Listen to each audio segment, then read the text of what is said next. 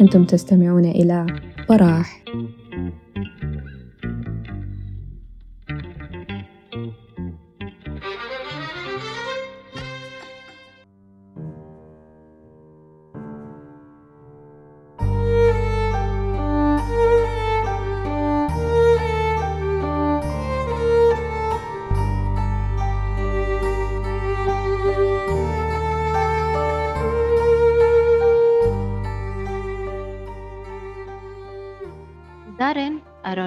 أرونوفسكي هو كاتب سيناريو ومخرج ومنتج سينمائي من مواليد الثاني عشر من فبراير من العام 1969 ولد في نيويورك بالولايات المتحدة الأمريكية وحاز على شهادة في علم الأنثروبولوجي من جامعة هارفارد.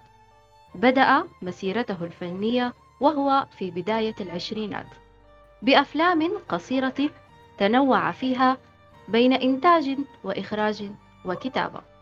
وهو في عمر الثمانية والعشرين قام بكتابة وإخراج أول فيلم طويل له ليحوز هذا الفيلم على عدد لا يستهان به من الترشيحات والجوائز.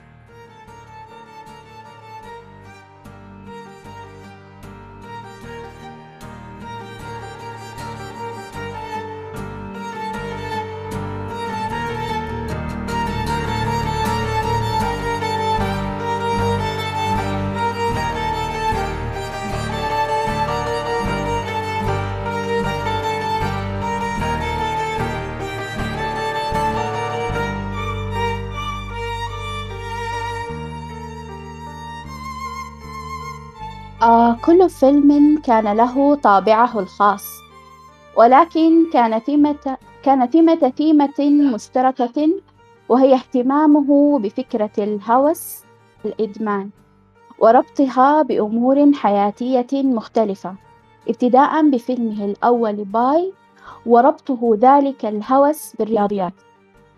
ففيلمه في عام 2000 Requiem of a Dream والذي وضعه على خارطة السينما بتناوله الهوس لتحقيق الحلم عن طريق إدمان الأدوية.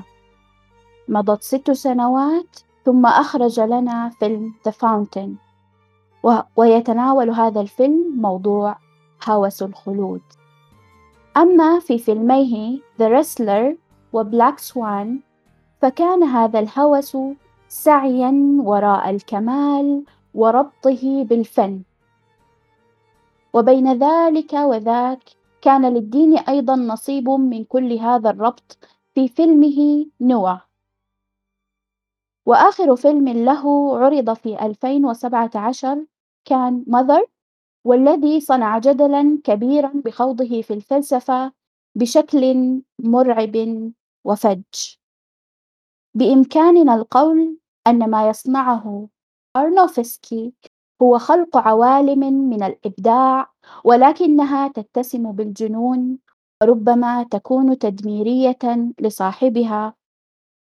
وكما هو معروف فهناك شعرة تفصل ما بين العقل والجنون. وقد قال في أحد مقابلاته في التعبير عن أسلوبي Stylistically, I try to be an expressionist, to use the camera to push the emotion of the scene. That is the goal to my style with performance.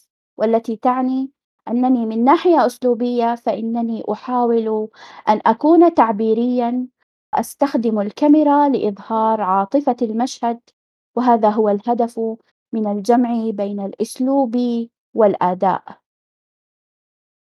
أرونوفسكي كان دائما يبتعد عن الوسط عن ما بين الطرفين عن العادي عن المستهلك والمبتذل. ويقترب كل مرة من الطرف الأقصى مستخدما أدوات السينما لسرد قصص ليست عادية. ولا يمكن فك شفراتها ببساطة من المشاهدة الأولى. فعند صناعته لفيلمه بايب غاص أرونوفسكي في تعامله مع إشكال الوهم والعبقرية. وسيطرة الشغف على الإنسان المحتجز داخل عالمه داخل ذاته داخل عقله. وكسر أرونوفسكي كثيرا من الأنساق السينمائية بفيلمه الذي جاء من خارج المتوقع كمقدمة لما سنراه لاحقا من إبداع.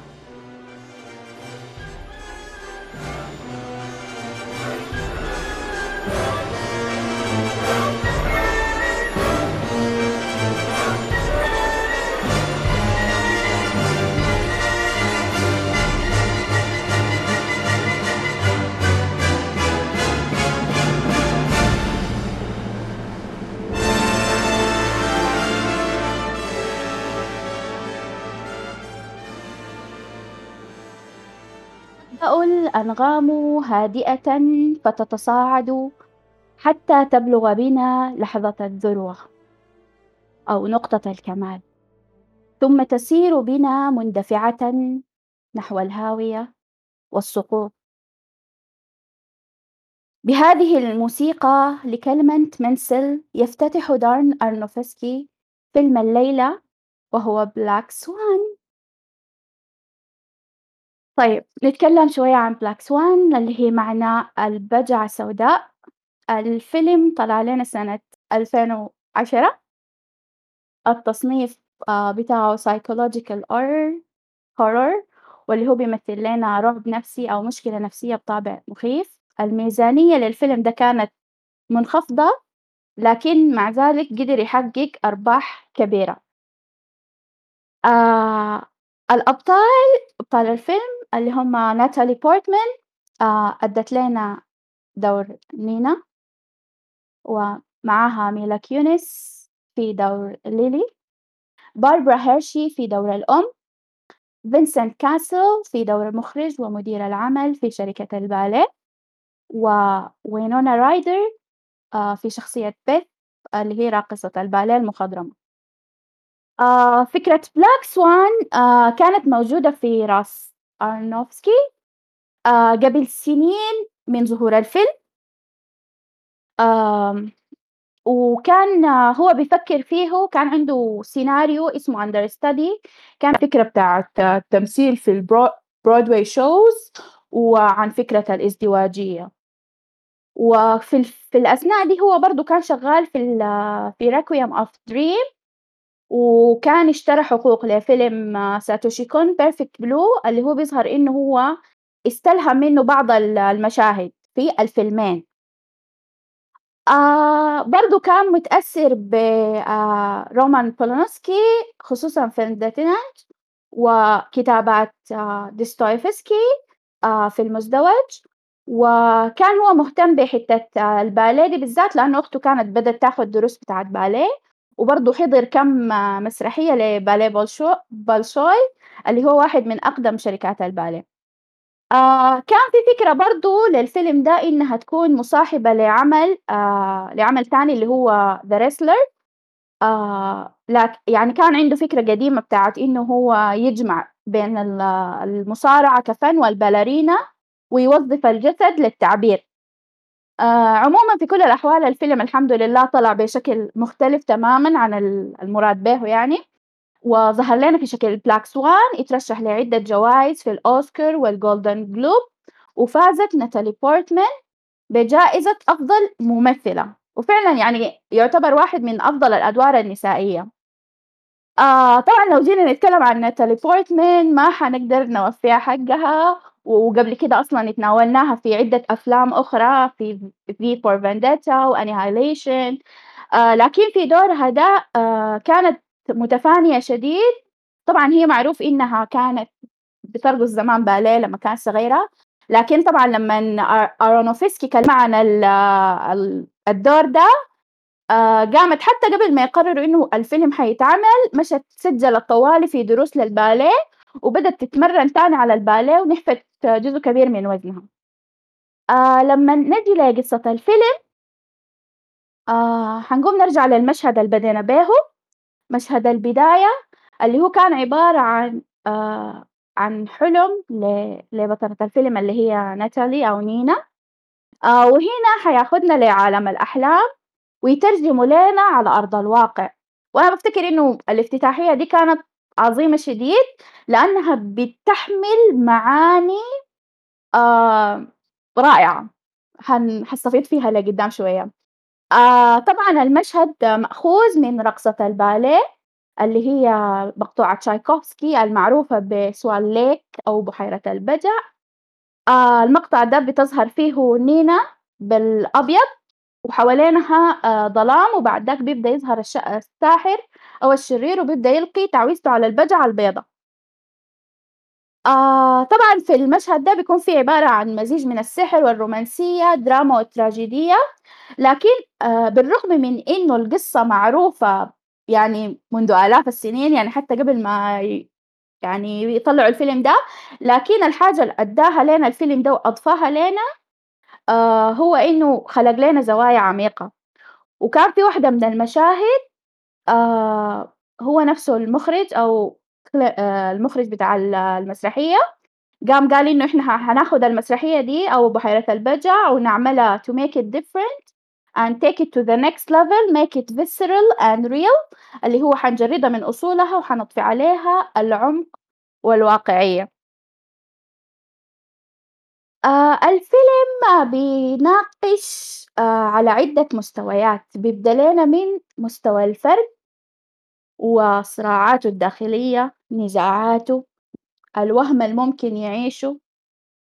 آآ ثنائيات الأبيض والأسود، الظل والنور، صراع الخير والشر، صراع بين الواقع والخيال، الرغبة الحثيثة في إنه تصل للكمال اللي هي ظهرت لينا في شخصية نينا، وإنها هي بتح آآ كشخصية perfectionist ودايرة تضبط أي حاجة. آآ مشاكل الشخصية آآ اللي هي آآ مشت لينا بعد ذاك للمستوى المجتمعي أو المستوى العائلي، وكيف إنه ممكن يكون في ضغوطات من كل النواحي. آآ غير أصلًا مهنة الباليه ذاتها، الباليه ذاته فيه ضغط جسماني عالي. آآ النقط اللي ذكرتها دي كلها بتتوازى ما بس في فيلم The Black Swan لكن برضه بتمشي لينا باتجاه الفيلم التاني اللي هو Requiem of Dream لمّا تكلمنا عنه علا. آآ نجي لمشهد تاني آآ نقول إنه نينا شخصية ناتالي الجميلة، البريئة، الرقيقة، اللي هي بتسعى باجتهاد عشان تتحصل على دور أميرة البجع. ولكن دور الأميرة ده بيقتضي إنها تمثل شخصيتين مزدوجتين، البجعة البيضا والبجعة السوداء، وهنا حتقع في فخ التناقضات والضغوطات، وبيحصل واحد من الحوارات اللي أنا باشوفها بالرغم من إنها بسيطة لكن جميلة شديد، لمن هي تمشي للمخرج توما وتبدأ تقول له يعني إنه هي عايزة الدور ده، فهو بيقوم بيسألها بيقول لها why يعني أنتِ بتعملي ده كله ليه؟ فبتقوم تقول له I wanna be perfect. هي هي دايرة تصل للحتة بتاعة الإتقان ال الكامل ده، فهو بيقوم بيقول لها perfection is not about control it's also about letting go. آآ وطبعًا بيكون عنده عدة شكوك إنها هي هل حتقدر تجيد الدور والّا لأ؟ آآ مع إنه هي من ناحية technical هي كانت ممتازة شديد، لكن من ناحية الشعور آه هي كانت نوعًا ما متحفظة وما بتخلّي العنان لنفسها، وحنشوف كيف إنه هو بالضغط بتاعه ده ممكن يكون ساهم في إنه يبدأ يظهر ال الجانب ال التاني من نينا. ننتقل لمشهد آخر. حنلاقي إنه الفيلم بيستفيد كتير من فكرة الانعكاسات، وده توظيف جيد شديد من أرونوفسكي.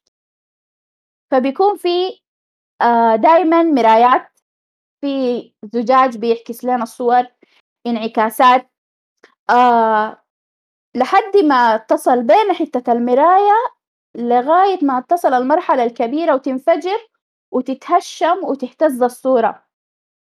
ابتداءً مما بدأت تشوف انعكاسها في القطر وبعد ذاك في النفق، وبعد ذاك لمن وصلت لمرحلة التدريبات زي ما نزّل الشابات الحلوات مهاد وعلا الصورة دي، كانت واحدة من أعظم المشاهد اللي برضه أنا باعتبرها في الفيلم آه الصورة المنعكسة من خلفها وكأنها بتجسد لينا الجانب الآخر منها كأنها بتظهر لنا نسخة وهوية أخرى داخل نينا هي بتحاول تظهر وما قادرة.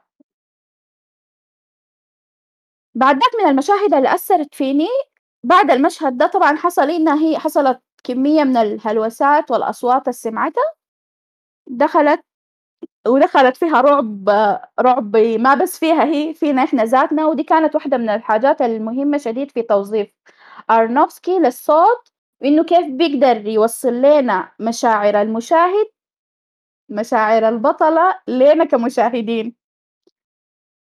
آه في اللحظة دي هي رجعت وبقت بتسمع في أصوات، دخلت غرفة أمها، شافت الصور المشوهة منها وكأنها بتكورك وحاجة كده في منتهى السريالية، بعد داك بقت تشوف في الطفح في جلدها بيكتر وبدأ يطلع ريش أسود، وهنا أنا بافتكر إنه دي واحدة من أجمل وأعظم اللقطات اللي في الفيلم لمن بدأ يطلع حتة الريش الأسود، لأنه ده توظيف جيد من أرنوفسكي، كيف إنه اختار فكرة الجلد، اختار العرض ال العرض بتاع اضطرابات الأكل والنفسية اللي هي فيها والنفسية اللي خشت فيها، وقرر يظهرها في الجلد وفكرة الإنسلاخ عشان يبين لينا لحظة التغيير الداخلي، وكيف إنه الإنسلاخ والتحول ده كان بشكل تدريجي وأخدنا من الرقة بتاعتها للعنف بتاعها، من الحتة اللي هي خجولة فيها للحتة اللي هي بتبدأ تتخلى عن كل ال ال ال المبادئ بتاعتها مثلًا من ناحية رغبة أو شهوانية وغيره. آه وكلها صفات بتثبت لينا المرحلة الذهانية اللي بدأت توصل ليها.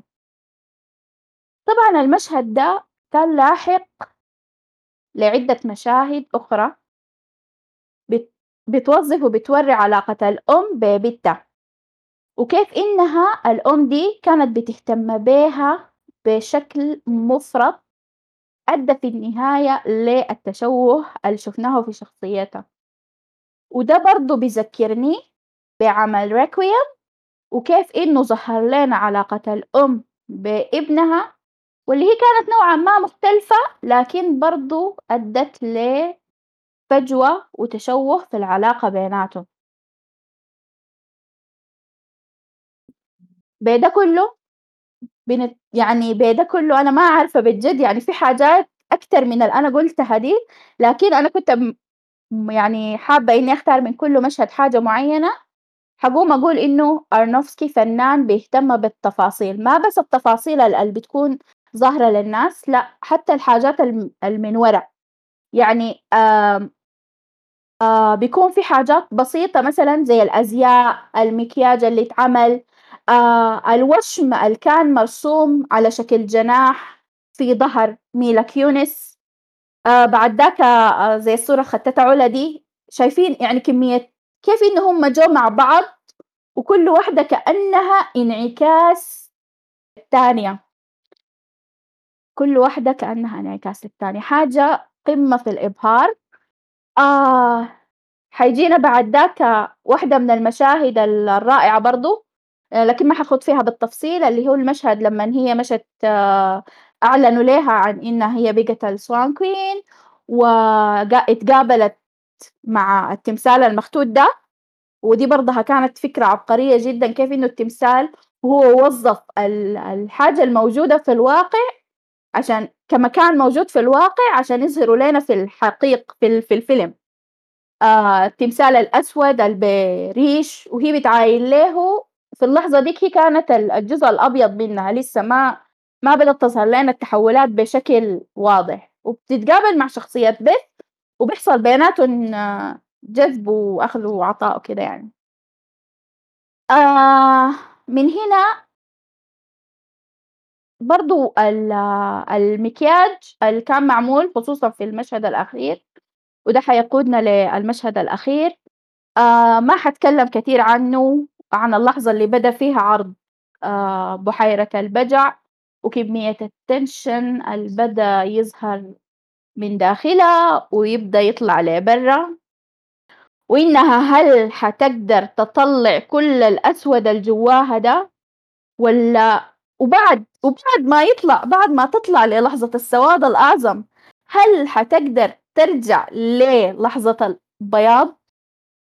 وما قبل ذلك يعني كمية التناقض في المشهد ده هو رافي. هل حتقدر تحقق المثالية؟ هل اللحظة اللي هي حتحقق فيها المثالية حتستاهل كمية التضحيات وكمية الشرخة العظيمة اللي هي بدأت تخلق فيه في مجتمعها الراقصات من حولها وفي البيت ومع مع غريمتها السابقة. لأي درجة ممكن الإنسان إنه يذهب بالحلم بتاعه؟ هل ممكن يقتل ذاته ويخلق كيان جديد مغاير لماهيته الأولى؟ شكرا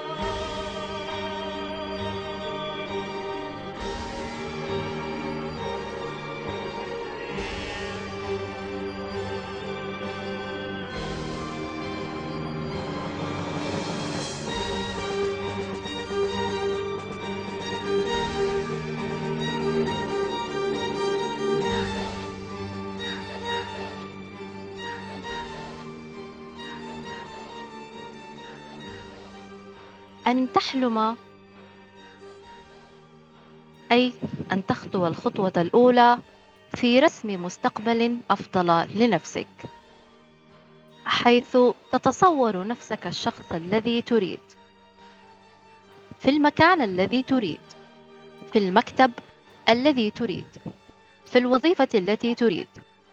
مزينا مقدمة ذلك المكتب بصور من تود البقاء بجانبهم طوال الحياة. فالأحلام تطمئننا إلى أن الأمور ستؤول دائما إلى الأفضل. إذا الأحلام بتضمن لنا الشعور بالأمان. وهنا بيجي سؤال مهم. ليه ما كل الناس بتقدر توصل لأحلامها؟ والإجابة على السؤال ده بتخلينا نطرح سؤال تاني وهو لماذا نحلم؟ أرونوفسكي بيجاوب لك على سؤالك من خلال قصة رباعية الأطراف أبطالنا اختلفوا في حاجات كثيرة لكن كلهم كان بيناتهم قاسم واحد مشترك وهو الحلم وبمناسبة الحلم فحنجيب شوية مع اسم الفيلم والريكويم واللي هي في الأصل بتعني القداس أو المرثية أو صلاة القداس واللي هي موسيقى بتتعزف في الكنيسة في لحظات دفن الميت وعند أداء واجبات العزاء. بتتعزف طلبا لراحة الميت ولوداعه. وفي اسم الفيلم إشارة واضحة وصريحة لأنه في حلم أو كان في حلم عاشته الشخصيات الرئيسية في الفيلم بس في النهاية الحلم بيموت واللي نحن بنحضر فيه ما هو إلا عزاء للحلم ومراسم للدفن. للوهلة الأولى أي زول بيشوف الفيلم بيعتقد إنه الفيلم بيتكلم عن المخدرات أو عن التعاطي كعموم. بس لما نمشي شوية بتلقى إنه البوينت الأساسي للفيلم ما المخدرات بينما الإدمان في حد ذاته. طيب نطرح سؤال. يعني شنو إدمان ويعني شنو شخص مدمن؟ الإدمان في تعريفه البسيط هو الزيادة عن الحد في استخدام الشيء أو التعلق بشيء لدرجة تفقدك السيطرة على الواقع وتخليك تهرب لعالم تاني. تخليك تهرب لعالم افتراضي أنت متخيل إنه فيه سعادتك. بالتالي الإنسان المدمن بيوصل مرحلة بتخليه يكره الواقع ويفضل كل مرة إنه هو يهرب للعالم الافتراضي لحد ما يتحول لإنسان فاقد للسيطرة ومسلوبة منه الإرادة. في عام 1978 دور الرعاية الصحية وإعادة التأهيل لمعتادي ومدمني المخدرات كانت ذات بيئة قاسية بل إنها كانت أشبه بمنصات للتعذيب. كأنه المدمن داخل المركز عشان يتعذب ما عشان يتعالج. في الوقت ده تحديدا صدرت رواية Requiem for Dream للكاتب الأمريكي هيوبرت سيلبي جونيور. في وقتها الرواية ما حققت الانتشار المطلوب ولا قدرت تصل لمعدل الإيرادات والأرباح المتوقع لكنها رسخت في ذهن واحد من أكبر معجبين الكاتب سيلبي وهو المخرج الشاب دارين أرونوفسكي. بعد عقدين من الزمان أرونوفسكي صنع سيناريو لفيلم مقترح استند فيه على رواية سيلبي وعرضها على أكثر من استوديو في هوليوود. لكن فكرة الفيلم ما لاقت حماس من المنتجين فأخذ أرونوفسكي زمن طويل عشان ينال الموافقة. ويمكن الحاجة دي كانت سبب أساسي إنه ياخد فترة أطول يشتغل فيها على الفيلم ويطلع لنا بالصورة اللي كلنا شفناها. والمعلومة اللي قد تكون غايبة على البعض إنه الكاتب الأصلي للرواية هيوبرت سيلبي عمل سيناريو مقترح لفيلم وما عرضه على أي جهة واحتفظ به في واحد من الأدراج. وبعد عشرين سنة أرونوفسكي عمل سيناريو لنفس الرواية ولما اتلاقوا الاثنين وختوا سيناريوهاتهم قصاد بعض طلع فيها تطابق بنسبة 80% الحاجة دي خلت النقاد يقولوا إنه رواية هيوبرت سيلبي فضلت موجودة في الأدراج لأنه ما في مخرج قدر يحول الرواية لمادة ملموسة ويضعها في فيلمها المثالي لحد ما جانا دارين أرونوفسكي. التطابق بين السيناريوهات الاثنين للرواية كان في معدل الرعب النفسي والسوداوية العالية اللي مفروض يطلع بها الفيلم. للدرجة اللي خلت إيلين بيرستين اللي عملت لنا دور سارة جولدفارب أو Ma زي ما كان بيناديها هاري. للدرجة اللي خلت إيلين ترفض الدور لما اتعرض عليها في البداية طبعا. بسبب تخوفها من حجم الألم والأذى النفسي المعروض. وعشان تجي توافق بعدين وتطلع لنا بأداء هي بنفسها قالت إنه أفضل أداء لها في مسيرتها الفنية ككل. بل وترشحت فيه للأوسكار. عن جائزة أفضل ممثلة. جدير بالذكر إنه عشان شخصية سارة جولدفارب تطلع لنا بالشكل اللي شفناه فإلين كانت بتقعد في كرسي المكياج لمدة أربع ساعات قبل كل تصوير وتلبس آه، حلة أو زي كامل تظهر به في أشكالها المختلفة اللي شفناها اللي شفناها بها في الفيلم وتتفاوت ما بين شكلها بالوزن الزايد لمظهر جميل ومرتب لشكلها الهزيل واللي بعديه مباشرة فقدت سيطرتها زي ما شفنا في أحداث الفيلم. من الجانب الحواري الفيلم كان مكتمل. ما في شخصية في الفيلم إلا وبتطلع منها جمل عندها أكثر من مغزى غير المفهوم من سياق الكلام. كمثال المذيعة اللي في التلفزيون والجمهور اللي في البرنامج اللي كانت بتتابعه سارة لو لاحظنا كانوا دايما بيرددوا جملة واحدة. كلهم كانوا بيقولوا be excited be excited be excited. أي لوهلة قد يبدو لك إنهم قاصدين البرنامج بتاع المسابقات والجوائز وحماسهم للفوز وتشجيعهم من المشاركين بس ليه ما يكون المقصود بالعبارة دي إحساس الحماس اللي بيصيب المتعاطي أول من ياخذ المادة المخدرة أو المادة المدمن عليها جسمه ويحس بعدها بالرضا ويهيأ له إنه هو إنسان فائز أو كسبان. برضو مثال تاني سارة جولدفارب في أول مشهد لها مع هاري لما ربطت التلفزيون بسلسلة وشالت مفتاح السلسلة ومشت استخبت في غرفة تانية بيتكلم معاها هاري. كلنا عارفين إنه هاري جا داخل البيت بس عشان يشيل التلفزيون ويبيعه. بس علاقة هاري بأمه كانت قوية زي علاقة أي أم بولدها. آي هو مدمن؟ لكنه حتى في أكثر لحظات وتغييب ما قدر ينسى إنه دي والدته. وبيلعب دوره في إنه يقدم لها النصح والإرشاد. في اللحظة دي هو محتاج للمخدر. بس حتى بعد ما أمه أدته مفتاح السلسلة اللي رابطة التلفزيون ما مشى طوالي. لو أنتوا لاحظتوا قال لها حاجة واحدة. قال لها اخرجي. Get out. Please get out. الخروج هنا هو ما قاصد به إنها تطلع من الغرفة اللي قفلتها عليها. لأنها هي اوريدي أدته الحاجة اللي هو عاوزها والحاجة اللي هو جاء عشانها اللي هو التلفزيون. بس هو كان قاصد لها أخرجي من القوقعة اللي قفلت فيها روحك. أخرجي من الوهم من عالمك الافتراضي. في اللحظة دي هاري رغم إنه مغيب بس كان مدرك تماما إنه أمه ماشية في نفس سكة الإدمان اللي هو ماشي عليها.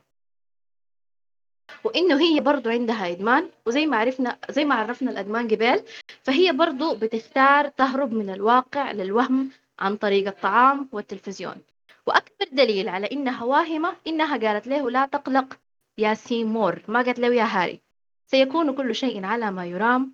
في إشارة لأنها بدأت تفقد السيطرة وبدأت تعيش في الوهم. عبقرية أرونوفسكي في الفيلم ده بتكمن في كونه ما بيقدم لك النصح والإرشاد. ودي نقطة مهمة جدا. ما بيقول لك المخدرات حاجة ما كويسة وأبعد منها يا عزيزي. ما بيقول لك آه لا تفعل. بس بيقودك بصورة تدريجية للإيمان بأنه المخدرات أسوأ عقاب للبشر. وطريقة التصوير المستخدمة في الفيلم كانت أكبر دليل لأنه استخدم أسلوب يخلي الكاميرا تلقط ملامح المدمن أو المتعاطي عن كثب في كل حدث. وفي مشاهد التعاطي تحديدا بنلاحظ إنه آه لحظات المتعة والنشوة اللي بتجي بعد المخدر. أرونوفسكي كان بيتجاوزها بسرعة وخفة وبطرفة عين. بينما مشاهد الألم والانهيار والفقدان زي آه لما هاري فقد يده لما حبيبته باعت جسدها ولما الأم فقدت السيطرة كل المشاهد دي بتشوف إنها بتمشي بإيقاع أتقل من باقي المشاهد. كأنه أرونوفسكي عاوز يقول لك إنه لحظات المتعة من التعاطي قصيرة وسريعة. وباقي لحظاتك يا إنسان لو دخلت في مود الإدمان حتكون تقيلة ومؤلمة. وفي نهاية المطاف حتنهار وتكون أنت الخاسر الوحيد لكل شيء.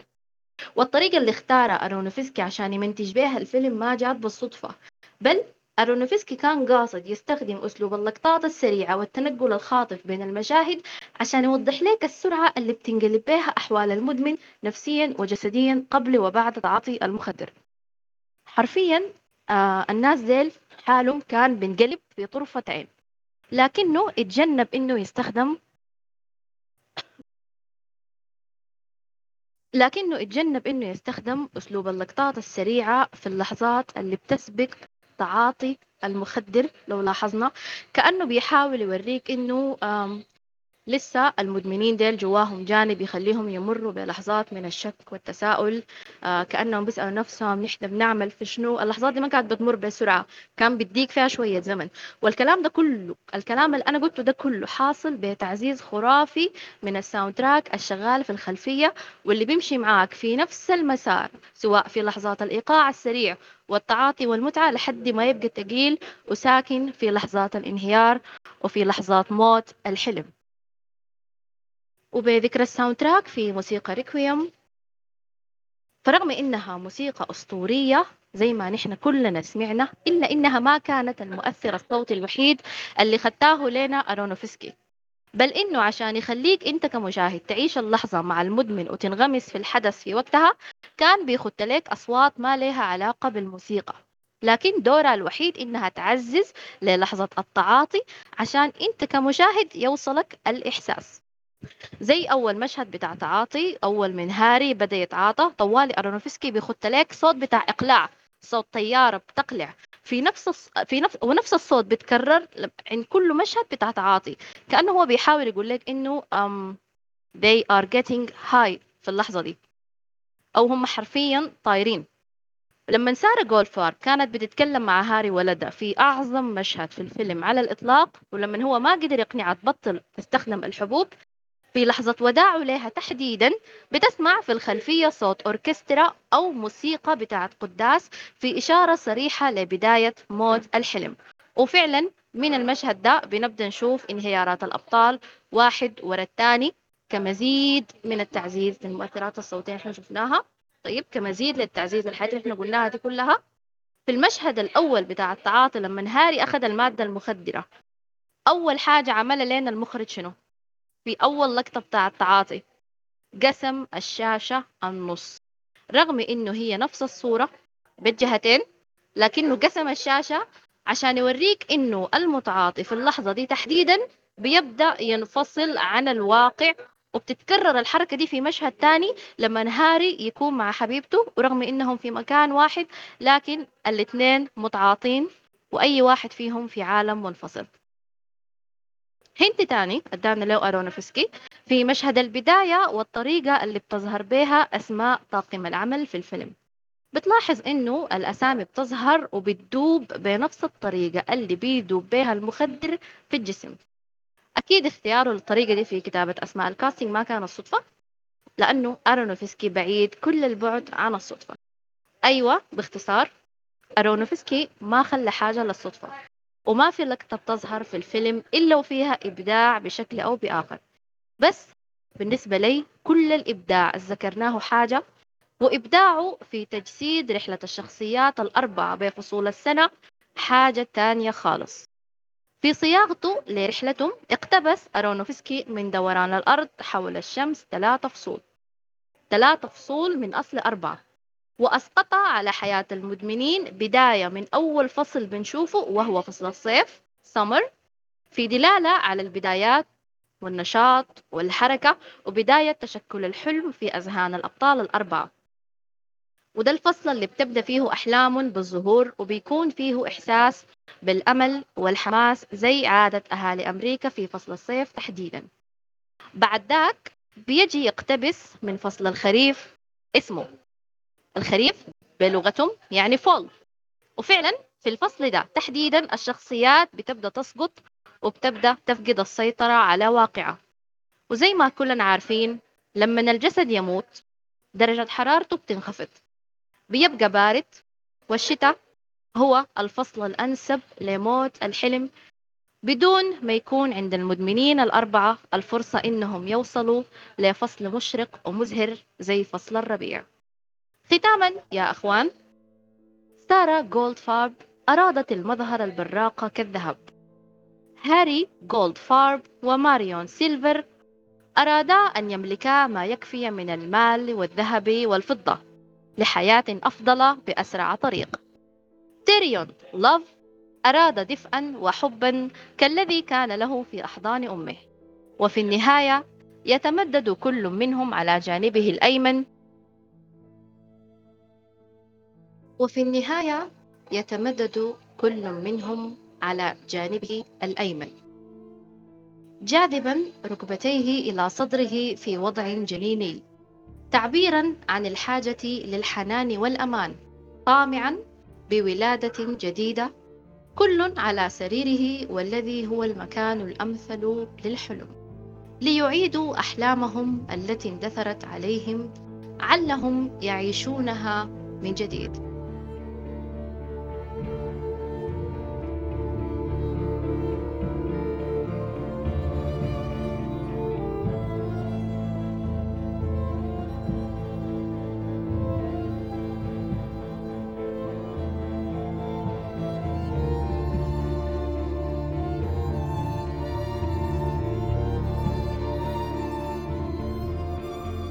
طبعا ما ممكن نتكلم عن ونخط المقطوعات دي بدون ما نجي على ذكر آه كلينت مانسل اللي هو عمل لنا المقطوعات الرائعة دي. آه كان أول تعاون له أو دخوله في مجال ال filmography يعني أو ال soundtracks آه في Pi مع دارين أرنوفسكي دي كانت أول تجربة له. وبعد ذاك مشى معاه في Requiem for a Dream.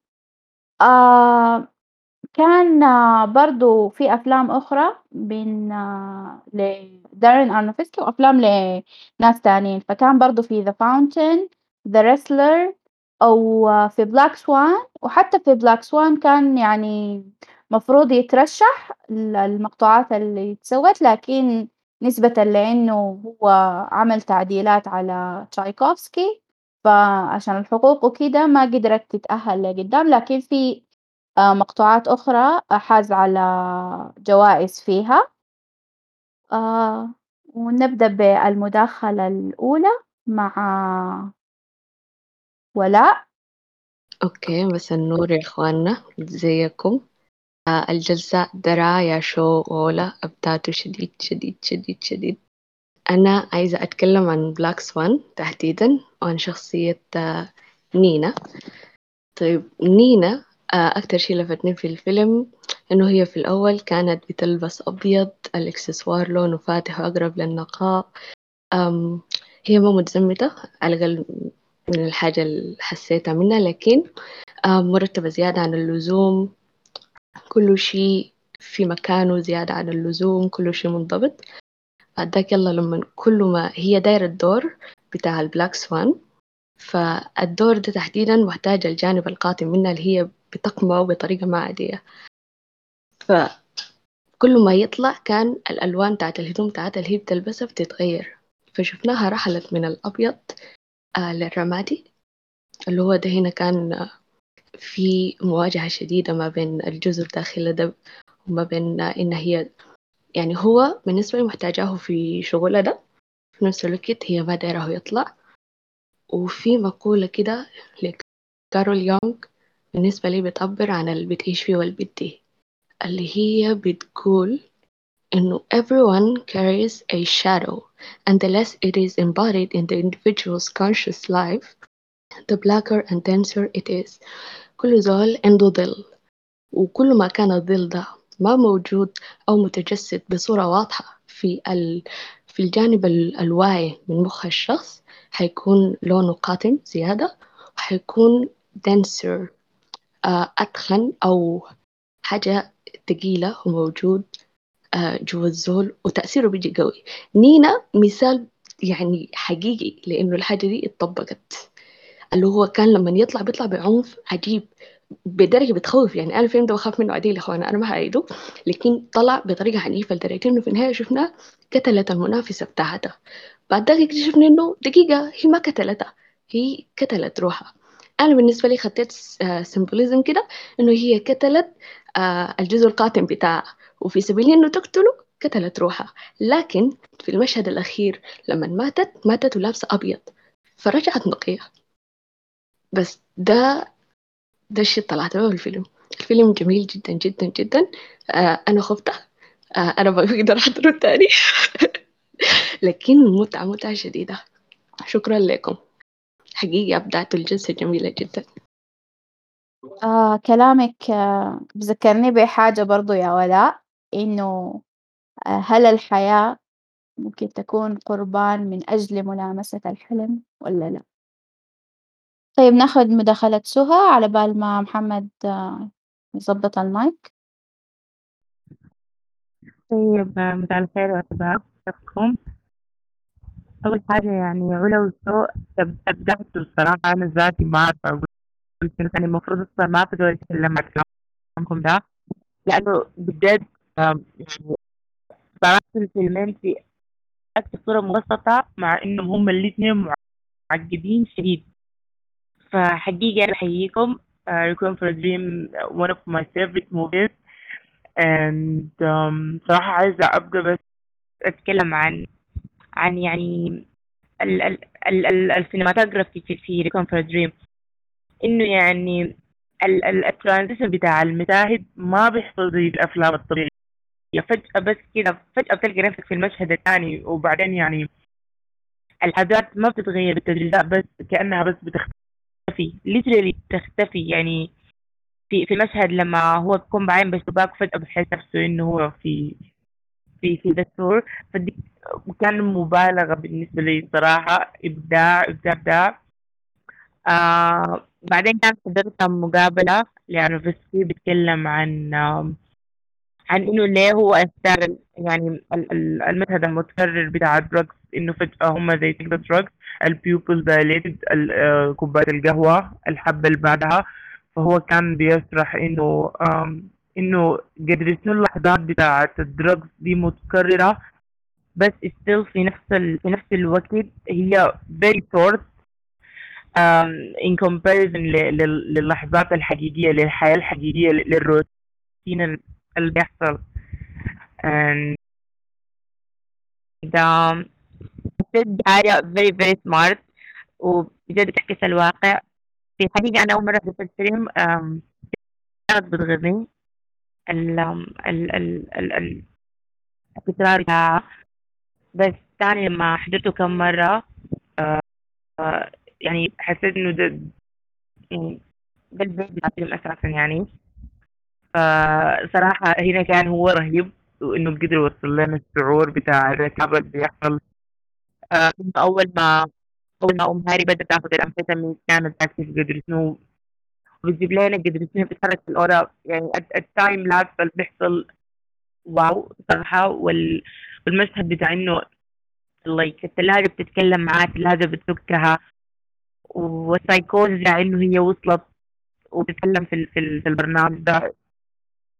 كلها حاجات رهيبة رهيبة رهيبة. والحاجة اللي بتخوف أكثر أول يعني يخلي الناس بتحس إنه الفيلم ده ديبريسيف لأنه هو واقعي. يعني هو ما حاول يجمل أي شيء بتاع التصوير بتاعه إنه he was actually attaching الكاميرا للجانب نفسه. ويعني كل الناس يعني الممثل لما يتحرك الكاميرا بتتحرك معاه ف يصير انت قاعد جواه حاسي حاسي هو يعني حاسي بس إنه حاليا قاعد تفعل انتراكشن هي ف أنا بالنسبة لي من ارهب من ارهب الافلام الجديد فكيف الرجيم يعني زي ما شفت فيلم بيرفكت يعني من كل النواحي بيرفكت. سؤال أنا عايز أسأله يعني مع الكيف الرجيم it's all about جزء لكن الجزء الأكبر هو الدريم. إنه يعني how everyone pursues their dream. بطريقته الخاصة.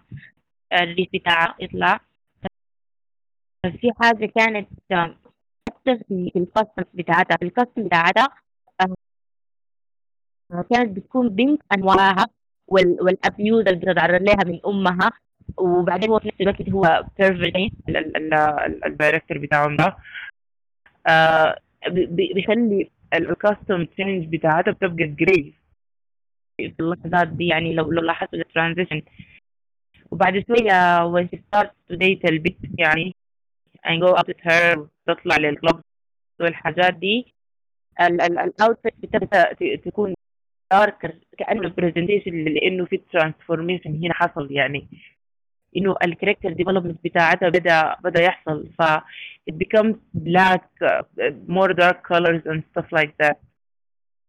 ف ال scene بتاع fight بحس انه معتمد قاعد ده كان من أرهب ال scene بتتلاقي الرسوم ممكن صراحة مع نفسك يكون واقعي. وبعدين فكرة المرايات ذاتها إنه shows ال emotions بتاعتك. shows الصراع النفسي جواك أنت ممكن تكون حاسس شنو من جوا and, how you look. وكون إنه بتتعكس قبل ما صلاح مهاد والبنات رسلوا رسلوا الصورة. ف يعني بنفكر صراحة المشهد بتاع The Black Swan نفسه إنه إنه how she turned black يعني أو إيه دخل لنا الاند بتاعت الفيلم بتحسها فيج يعني ما ما مديات الحديث يعني ممكن يقولوا هي ما تتسنى ممكن يقول الاحتياج ف يعني it represents إنه ال innocence is dead. يعني ال what one is dead. لكن he never told us انه did he die for real or not. ف يعني صراحة فيلمين رهيبات وشو. ويعني يعني ولا ما قصروا. And يعني ما حسيت حاجة جديد لكن هم الله خير يا سهى شكرا شكرا لك. آه مداخلتك كانت عظيمة بجد. وشكرا برضو يا ولاء على مداخلتك. آه اتفضل يا محمد. طيب السلام عليكم. أتمنى الصوت يكون واضح. آه بشكر سهى وشو وعلا على المداخلات دي والتقديم الرائع. يعني إحنا كلامنا الجاي كله هيدور في نفس ال... أنا عندي كلام حيكون عام عشان كده غالبا يكون جاهد شوية. فأرنوفسكي كده كل ما اشاهد له فيلم بتذكر مقوله قديمة لفليني اللي هو بقول يعني ليس ليس هناك داعي إنه لفهم الفيلم. إما الفيلم عجبك أو لا. لكن أنت فيلم ما عجبك. شايف الناس بيقولوا عليه فيلم عظيم جدا وأنت واقف حاير قدامه. دي حاجة بوينتلس السينما بتاعت أرنوفسكي عموما سينما مرهقة. وزي ما قلت قبل هي أفلام معظمها بتصنف كرعب نفسي. دائما نحن بنلقى في الانطباعات عن الأفلام دي هي متضاربة. يعني أعلى درجات الإعجاب. مرات في ناس بيستهجنوا استهجان شديد ويسخطوا منها زي آخر فيلم له هو مزر لكن طبعا بعد ده كله ممكن نقول إنه الفيلم ده فيلم عادي. أي فيلم عمله ارنوفسكي أو نقدر نقول عليه إنه فيلم عادي. البعد الفلسفي دائما حاضر في الأفلام بتاعت ارنوفسكي وهو زي ما قلت قبل إنه هو أصلا درس إنسانيات في جامعة هارفارد. فدي أثرت على ال- صناعة الأفلام بتاعته. والرمزيات بتلقاها في الفيلم ودائما هو بيقترب من المناطق اللي ممكن نقول عليها محظورة شوية سواء دينية أو فلسفية أو اسئله وجودية وحتى سياسية. نجي الفيلمين بتاعت ال Black Swan وال وال Requiem for Dream. الثيم الرئيسي يعني إحنا قلنا قبل هنا فيلسوف والفلسفة حاضرة لكن الثيم الرئيسي هنا هو ال- الشغف. يعني كيف الشغف بيسيطر على الإنسان وبخليه يكون محتجز داخل عالم معين. يعني الشغف في ال Black Swan هو الشغف ورغبة في الوصول إلى الكمال زي حالة نينا أو في في ال Requiem هو رغبة يعني هروب من الواقع ومن خيبة الأمل. أنا شايف إنه خيبة الأمل هي محرك رئيس لل- للأربع شخصيات في فيلم في ال Requiem. طبعا بحث عن السعادة وعندهم ال- أسباب تانية كثيرة. فنينا عندها مقولة في الفيلم اللي ذكرتها قبل هنا just wanna be perfect المقولة دي بتخلي زول السائل يعني اللي مدى يعني وصلت بها الرغبة عندها الرغبة إنها تصل للكمال. طبعا في استفزازات من المعلم والوسط المحيط في ضغوطات خارجية يعني زي أمها أمها دي كانت آه، مسيرتها زي مسيرة نينا لكنها فشلت بسبب الحمل. يعني ممكن نتفهم ال- الغمع بتاعه والتسلط اللي ظهرت مع بنتها دي. فدي نعتبرها ضغوطات خارجية. في ضغوطات داخلية عندنا بخليها تجتهد وتحاول كم مرة يعني في حسب الفيلم بداية إنه بدي لها أربع سنة في ال... في الباند دي. الحاجة دي سببت لها قلق شديد حسب ال... حسب المسار بتاعه وخلاها يعني عندها حالة زي مرضية من الهوس. فالحاجات دي كلها لما تتفاقم شديد احتمال ال- الرغبة دي تبقى قوية حتى ال- الخلايا بتاعت الجسم والأعضاء ذاتها تكون متطو... يتم تطويعها يعني العمل ده كله. بس يبقى عندها هدف واحد. والعقل يع- يعيش واقع بديل يعني. خيالات اختار أي حاجة المهم تساعده عشان ينجز الحاجة دي. لأنها بقت متكررة وكثيرة بقى شغل بتاع هوس. ففي حاجة تانية أنا ما أعرف آه، دي مسار بتاع سؤال ونقاش. أنا ما متأكد منه. لكن الشخصية بتاعت ليلي اللي هي جات بدأت تظهر من الفيلم وهي كان عندها دور كبير ال- الليلي دي هي شنو؟ هل هي شخصية حقيقية يعني منافس ولا مجرد خيال اخترعته نينا؟ يعني الخيال ده اخترعته عشان يمثل الوجه المقابل لشخصيات يعني نينا دي كان بيقول أنت تنفعك كبجعة بيضاء لو عندك نقاء وطهر وكده وكده فالشخصية بتاعت ليلي احتمال تكون حقيقية زي ما قلت يا ولا لكن احتمال تكون خيال اخترعته نينا عشان يمثل الطن المناقض لها يعني مثلا ليلي بتمثل الرغبات الشهوانية المكبوتة وكده أو الإحساس يعني بال لما حصل الحادث ل... لبيث ولا تقريبا ما متذكر الاسم المهم حصل لها زي إحساس بالعار. بعد ذاك جاء شخصية ليلي هي بتطارد نينا زي ما نينا طاردت. أو ممكن ليلي تمثل هي البجعة السوداء ذاتها اللي نينا في الحالة الطبيعية ما قدرت تتقمصها. فده موضوع بتاع نقاش فأنا متأكد من الحاجة دي. آه، نينا دي بتذكرنا يعني كشخصية نسائية أنا ممكن أخدها في. من أعظم الشخصيات النسائية اللي على مسار السينما يعني زمان كان في فيلم فيلم بيلي وايلدر Sunset Boulevard كان فيها نورما ديزموند وفي بيرجمان عنده Persona برضه شخصية نسائية عظيمة فيها الجماعة دي عندهم قواسم مشتركة كثيرة يعني زي الشغف والطموح أو الهرب من واقع وكده. وما ننسى برضه ال- فيلم Mulholland Drive بتاع ديفيد لينش اللي هو بيتي كانت بتعاني من هلوسات وحصلت لها كلام كثير يعني هسه ديفيد لينش ده أنا شايف إنه أرنوفسكي أسلوبه قريب للينش. لكن أرنوفسكي يعني واضح ما عنده التعقيد بتاع ديفيد لينش ده أصلا. فاللي هو يعني أرنوفسكي شايل من الجماعة دي كلهم ديفيد لينش بيلي وايلدر بيرجمان الجماعة دي لكن شنو؟ أكثر وضوح. لأنه هو شايف نفسه تقريبا بخاطب إنه نحن ال- الجيل الحالي ده هو متعود على السينما استهلاكية فما داعي يعملوا تعقيد بتاع السريالية الكثيره واللي هنا. بيدينا حاجة خفيفة. الحاجات دي تقريبا آه، معتبرنا خفيفة في ال في ال في, ال في الوسط بتاعه التغ- طيب آه، ممكن الفيلم الثاني Requiem for Dream هو زي ما قلت صح هو عن الإدمان. وأنا قلت قبل إنه خيبة الأمل أكثر شيء هي ال- ال- اللي بتحرك الناس دي كلهم الأربعة ديل. يعني زي ناس يعني بقت با- بائسة ما في حاجة يسعوا خلفها بس إلا سعادة لحظية وزائفه وكده. يعني أي شخصية عندها إدمان معين يعني. الأم أنا عندي صور هنا سكرينات لساره اللي هي بتتكلم مع ابنها بتقول له أنا أصلا عجوز وما عندي حاجة أعملها وأنا لول ما في شيء يعني وزوجها ميت وابنها ما بزورها وكده.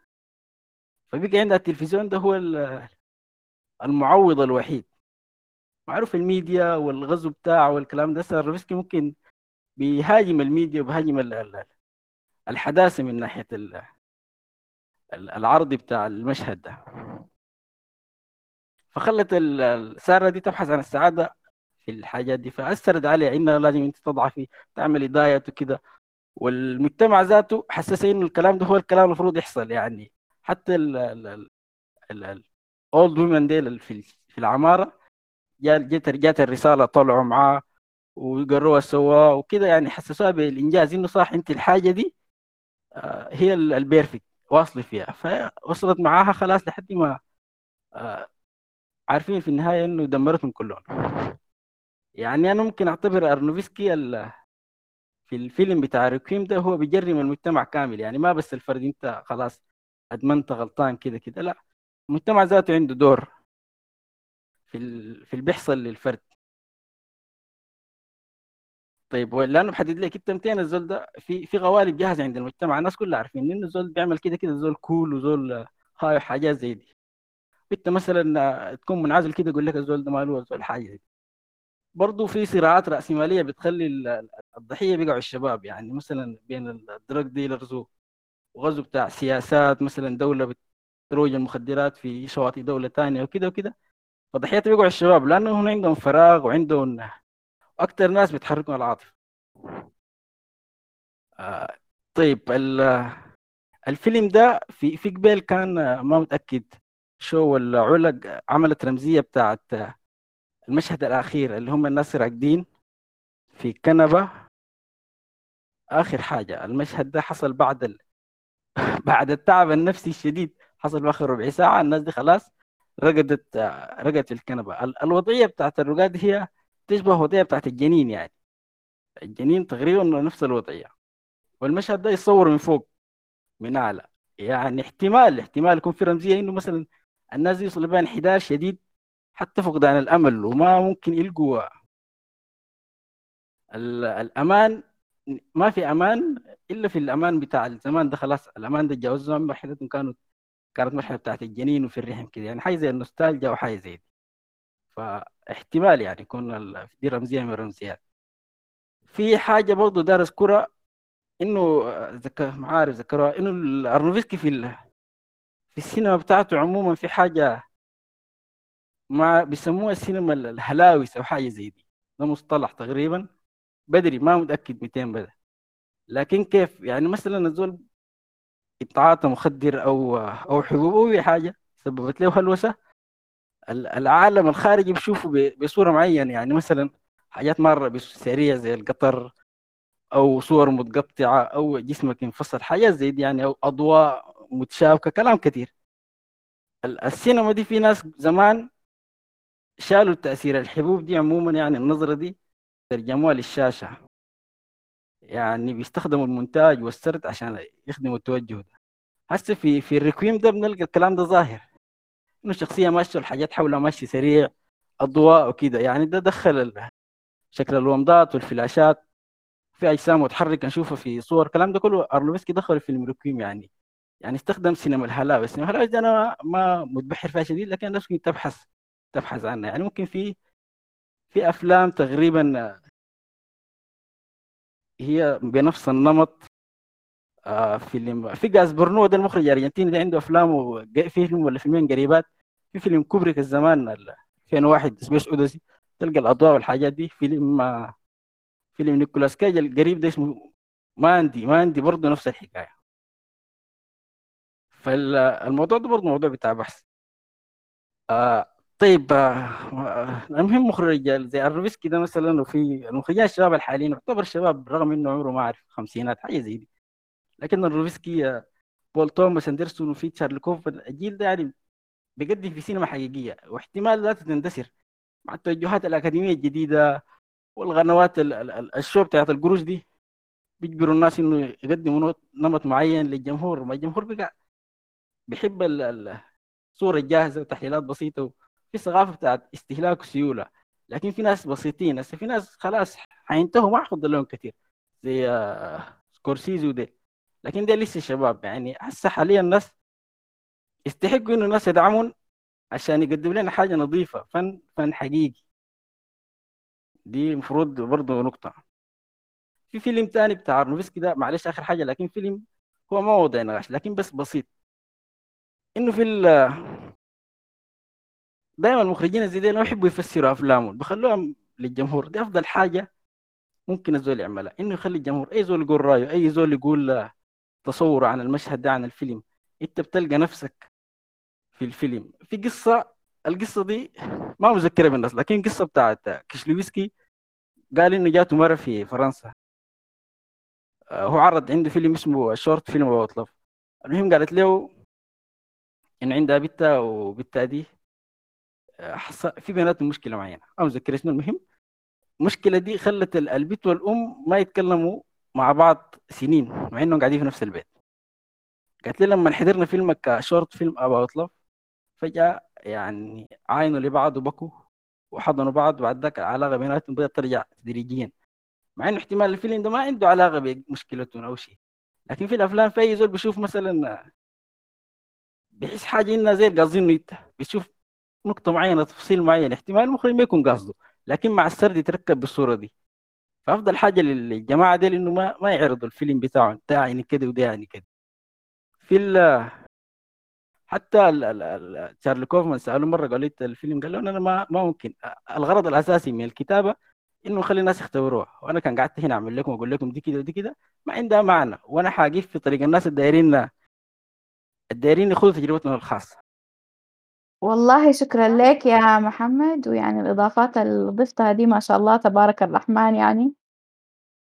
وخصوصا حتة ماذر طبعا برضو من الأفلام الممتازة شديد لأرنوفسكي ويعني نتمنى نشوف له جلسة قريبا يعني الفيلم ده.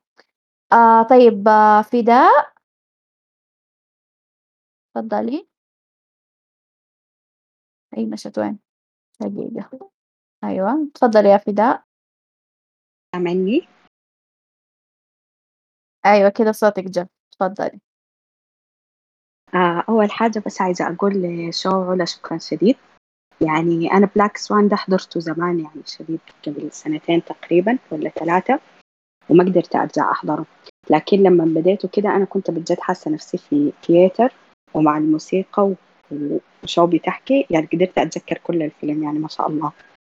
كأنه بتوصف وصف دقيق يعني. آه لكن ما حتكلم عنه لأنه ما متذكرة بالتفصيل. داير أتكلم عن آه Requiem for Dream أنا بس حسيت يعني إنه الشخصيات دي كلها هم الحاجة اللي كانت بتخليهم يعملوا الحاجات دي كلها إنهم كلهم محتاجين love أو حب. لأنه يعني ماريون كانت طوالي بتقول ل...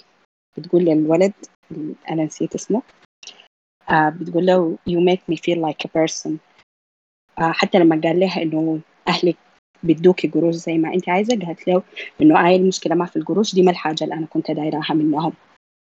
أيوة هاري آه وسارة برضو لما كان بيقول لها إنه إنه أنت مفروض توقفي الحاجة دي كانت بتقول لها برضو إنه I'm somebody now إنه everyone likes me. فهي برضو في الحاجة دي. حتى هاري لما كان بيقول لأمه إنه أطلعي ما كان يعني هاي هو كان بيقول لها إنه أطلعي من الحتة اللي أنت فيها دي من النفقة اللي أنت خاشة فيه ده. لكن برضو إنه عشان هو ذاته اتحرم من الحب من حبها وعطفها مما بقت يعني هي دخلت في الحالة دي. آه وتايرون ده كان واضح أصلا إنه هو فكرته كلها في إنه هو عايز يرجع لحب أمه وعطفها ده. أنا لما علا رصت الأسامي كده يعني يا دوب ركزت في الحاجة دي إنه سارة وهاري اسمهم فيو gold وماريون اسمها فيو silver وتايرون ده اسمها فيو آه اسمه فيو love فإنه سارة كانت عايزة تلبس ال red dress وال gold heels بتاعينها و وهاري كان عايز قروش اللي هي ممكن نرمز لها بال gold آه ما أعرف silver دي ممكن تكون شنو لكن هي عايزة الحاجتين يعني. وتاني كان عايز love يعني. ما أعرف لو C دي يعني اختصار ل care برضو ممكن تكون. لكن يعني عايزة أعرف هل الحاجة دي حقيقية ولا لا يعني. بس شكرا تاني. آه شكرا لأنك جبتي حتة الألوان دي برضها من الحاجات المهمة يعني. بتدي انعكاسات آه طيب يا مهاد تتفضلي. آه السلام عليكم. كده سامعني okay تمام. آه أول حاجة شكرا لكم على ال show بجد يعني كانت أول حاجة من ال introduction الموسيقى طريقة كلامكم طريقة تقديمكم الكلام اللي يتقال ذاته عشرة من عشرة. حرفيا كانت حاجة مثالية يعني. احتمال نينا ما قدرت توصل للمثالية بالطريقة اللي نحن فاهمينها لكن أنتم من وجهة نظري وصلتوا لها الليلة. زي ما قلت ما في حاجة أنا ممكن أضيفها للكلام اللي أنتم قلتوه الليلة وكل المداخلات اللي اتقالت برضها كانت نقاط حلوة شديد ومنطقية شديد. بس عندي حاجة عايزة أقولها عن ساتوشي كون اللي هو المخرج الياباني بتاع فيلم اسمه Perfect Blue وبتاع فيلم اسمه بابريكا اللي هم فيلمين من من الأفلام اللي دارين أرونوفسكي بيعتبرهم يعني جزء كبير شديد من الإلهام له يعني في الشغل ده. ساتوشي كون كان كان مخرج ياباني. شغله كله عموما كان كان animation كان ما بيكون يعني ما بيشتغل live action لأنه كان بيشوف إنه ساتوشي كون كان مختار إنه هو يشتغل animation مخصوص لأنه كان بيعمل cuts آه في في ال editing بتكون سريعة شديد إنه زول يقدر يعملها بال بال live action يعني حاجات كانت بتتعمل حرفيا في ستة فريمات أو خمسة فريمات ما بتتعمل في في ال live action ف أيوه زي ما نزلت شو هسه شايفين كلها inspiration لساتوشي كون.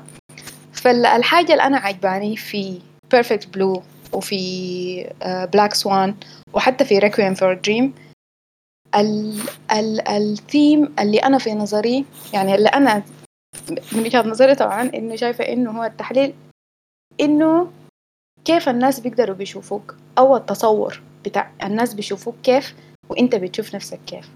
خصوصا وانه ساتوشي كون ياباني واليابانيين عندهم عندهم مثل بيقول إنه يعني هم كمجتمع عموما جزء من من المفاهيم حقتهم اللي هي متأصلة شديد في طريقة يعني فهمهم لبعض أو أو رؤيتهم لبعض إنه المثل ده اللي هو بيقول إنه أي زول عنده ثلاثة وجوه.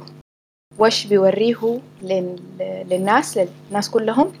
وش بيوريه لأصحابه لأسرته بس؟ وش ما بوريه لأي زول؟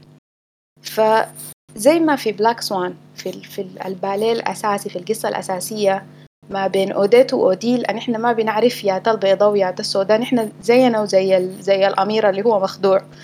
دي يا أنا بشوف فيها دي ليه تغيرت هسي؟ هو بيكون متوقع إنها هي تتصرف كيف لكن هي بتتصرف بطريقة تانية. ده كله كل ال pressure ده محطوط على زولة واحدة اللي هي نينا.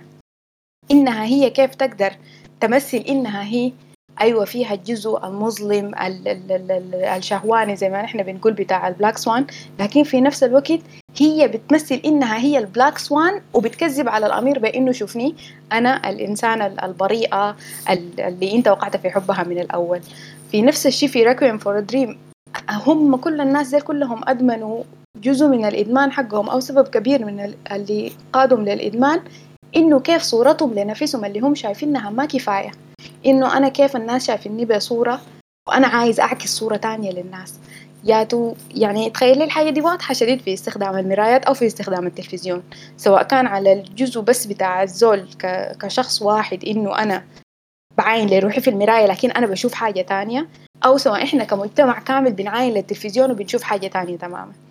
فالنقطة بتاعت البرسبشن دي النقطة بتاعت إنه كيف أن إحنا مرات ممكن إحنا ذاتنا نكون مدمنين للصورة اللي إحنا بالكذب بنعكسها للمجتمع.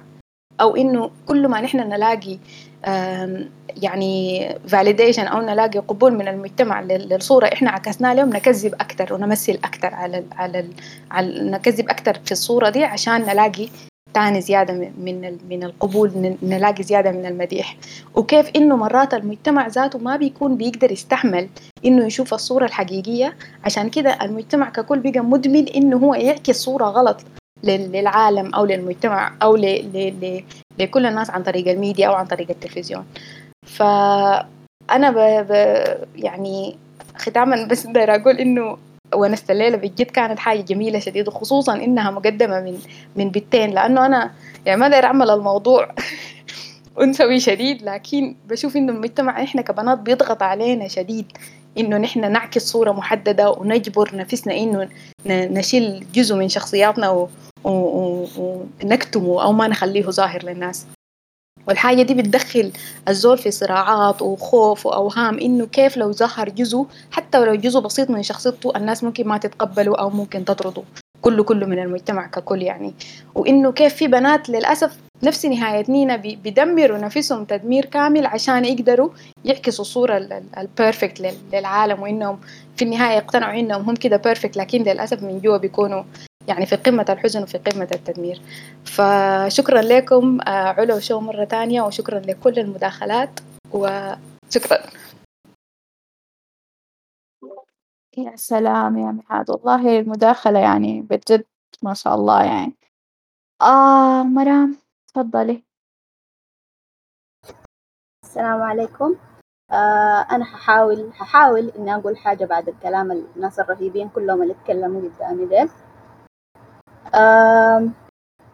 أولا نقول شكرا علا وشكرا شو يعني حقيقة خليتونا نشوف الفيلم بمنظور آخر يعني ما أظن ممكن إحنا كنا منتبهين له. وصراحة يعني أوفيت وكفيت زي ما بيقولوا. أنا هحاول أتكلم بصورة مختصرة وعن حاجات بسيطة. آه طيب القصة عموما يعني الفيلم لو زول جه حكاه ليك إنه أوكي شوف الفيلم أنا بحاول أتكلم عن عن عن Black Swan شوف Black Swan وسألته عن القصة عموما. والله يا أخي بت باليرينا عايزة تكون زولة رهيبة وبتحاول إنها تسعى لإنها تكون كاملة. وإلخ والضغوطات اللي بتحصل لها بس ما في زول حيقدر إنه يعني يعرف المرحلة أو الرهابة في الفيلم من غير ما يشوفه. من بداية الفيلم؟ إنه إحنا بنشوف في البداية مشهد بتاع حلم. هنعرف إنه الفيلم ده أو القصة بتاعت الفيلم هي كلها جوا عقل نينا بمنظورها هي بنظرتها هي للقصة كلها.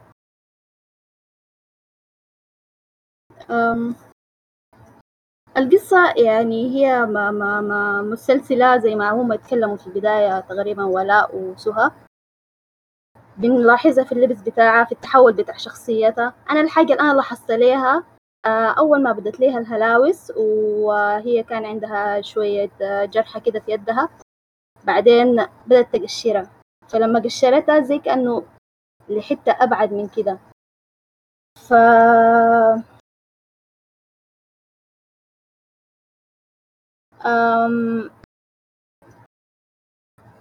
أنا حسيت إنه هي حتبدأ تتحول بعد النقطة دي.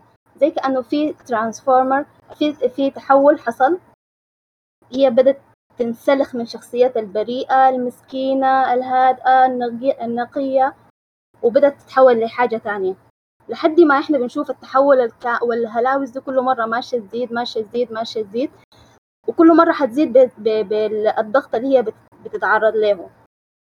لحد ما تزيد الهلاوس لدرجة بعيدة أمها بتجي بتقول لها what are you seeing? شايفة شنو؟ شايفة شنو؟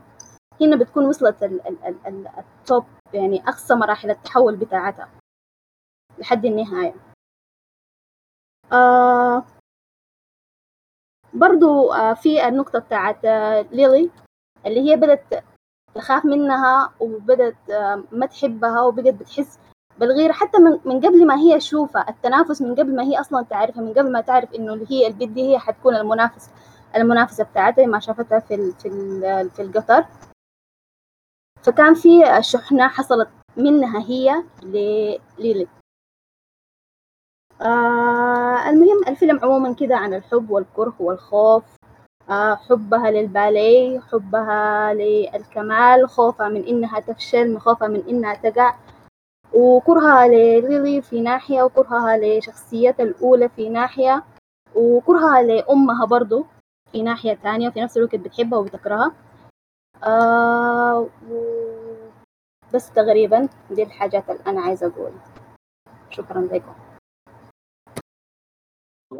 ممتاز يا مرام. طيب آه، سهى إضافتك؟ طيب آه، جماعة صوتي مسموع كيف كتبت سوري.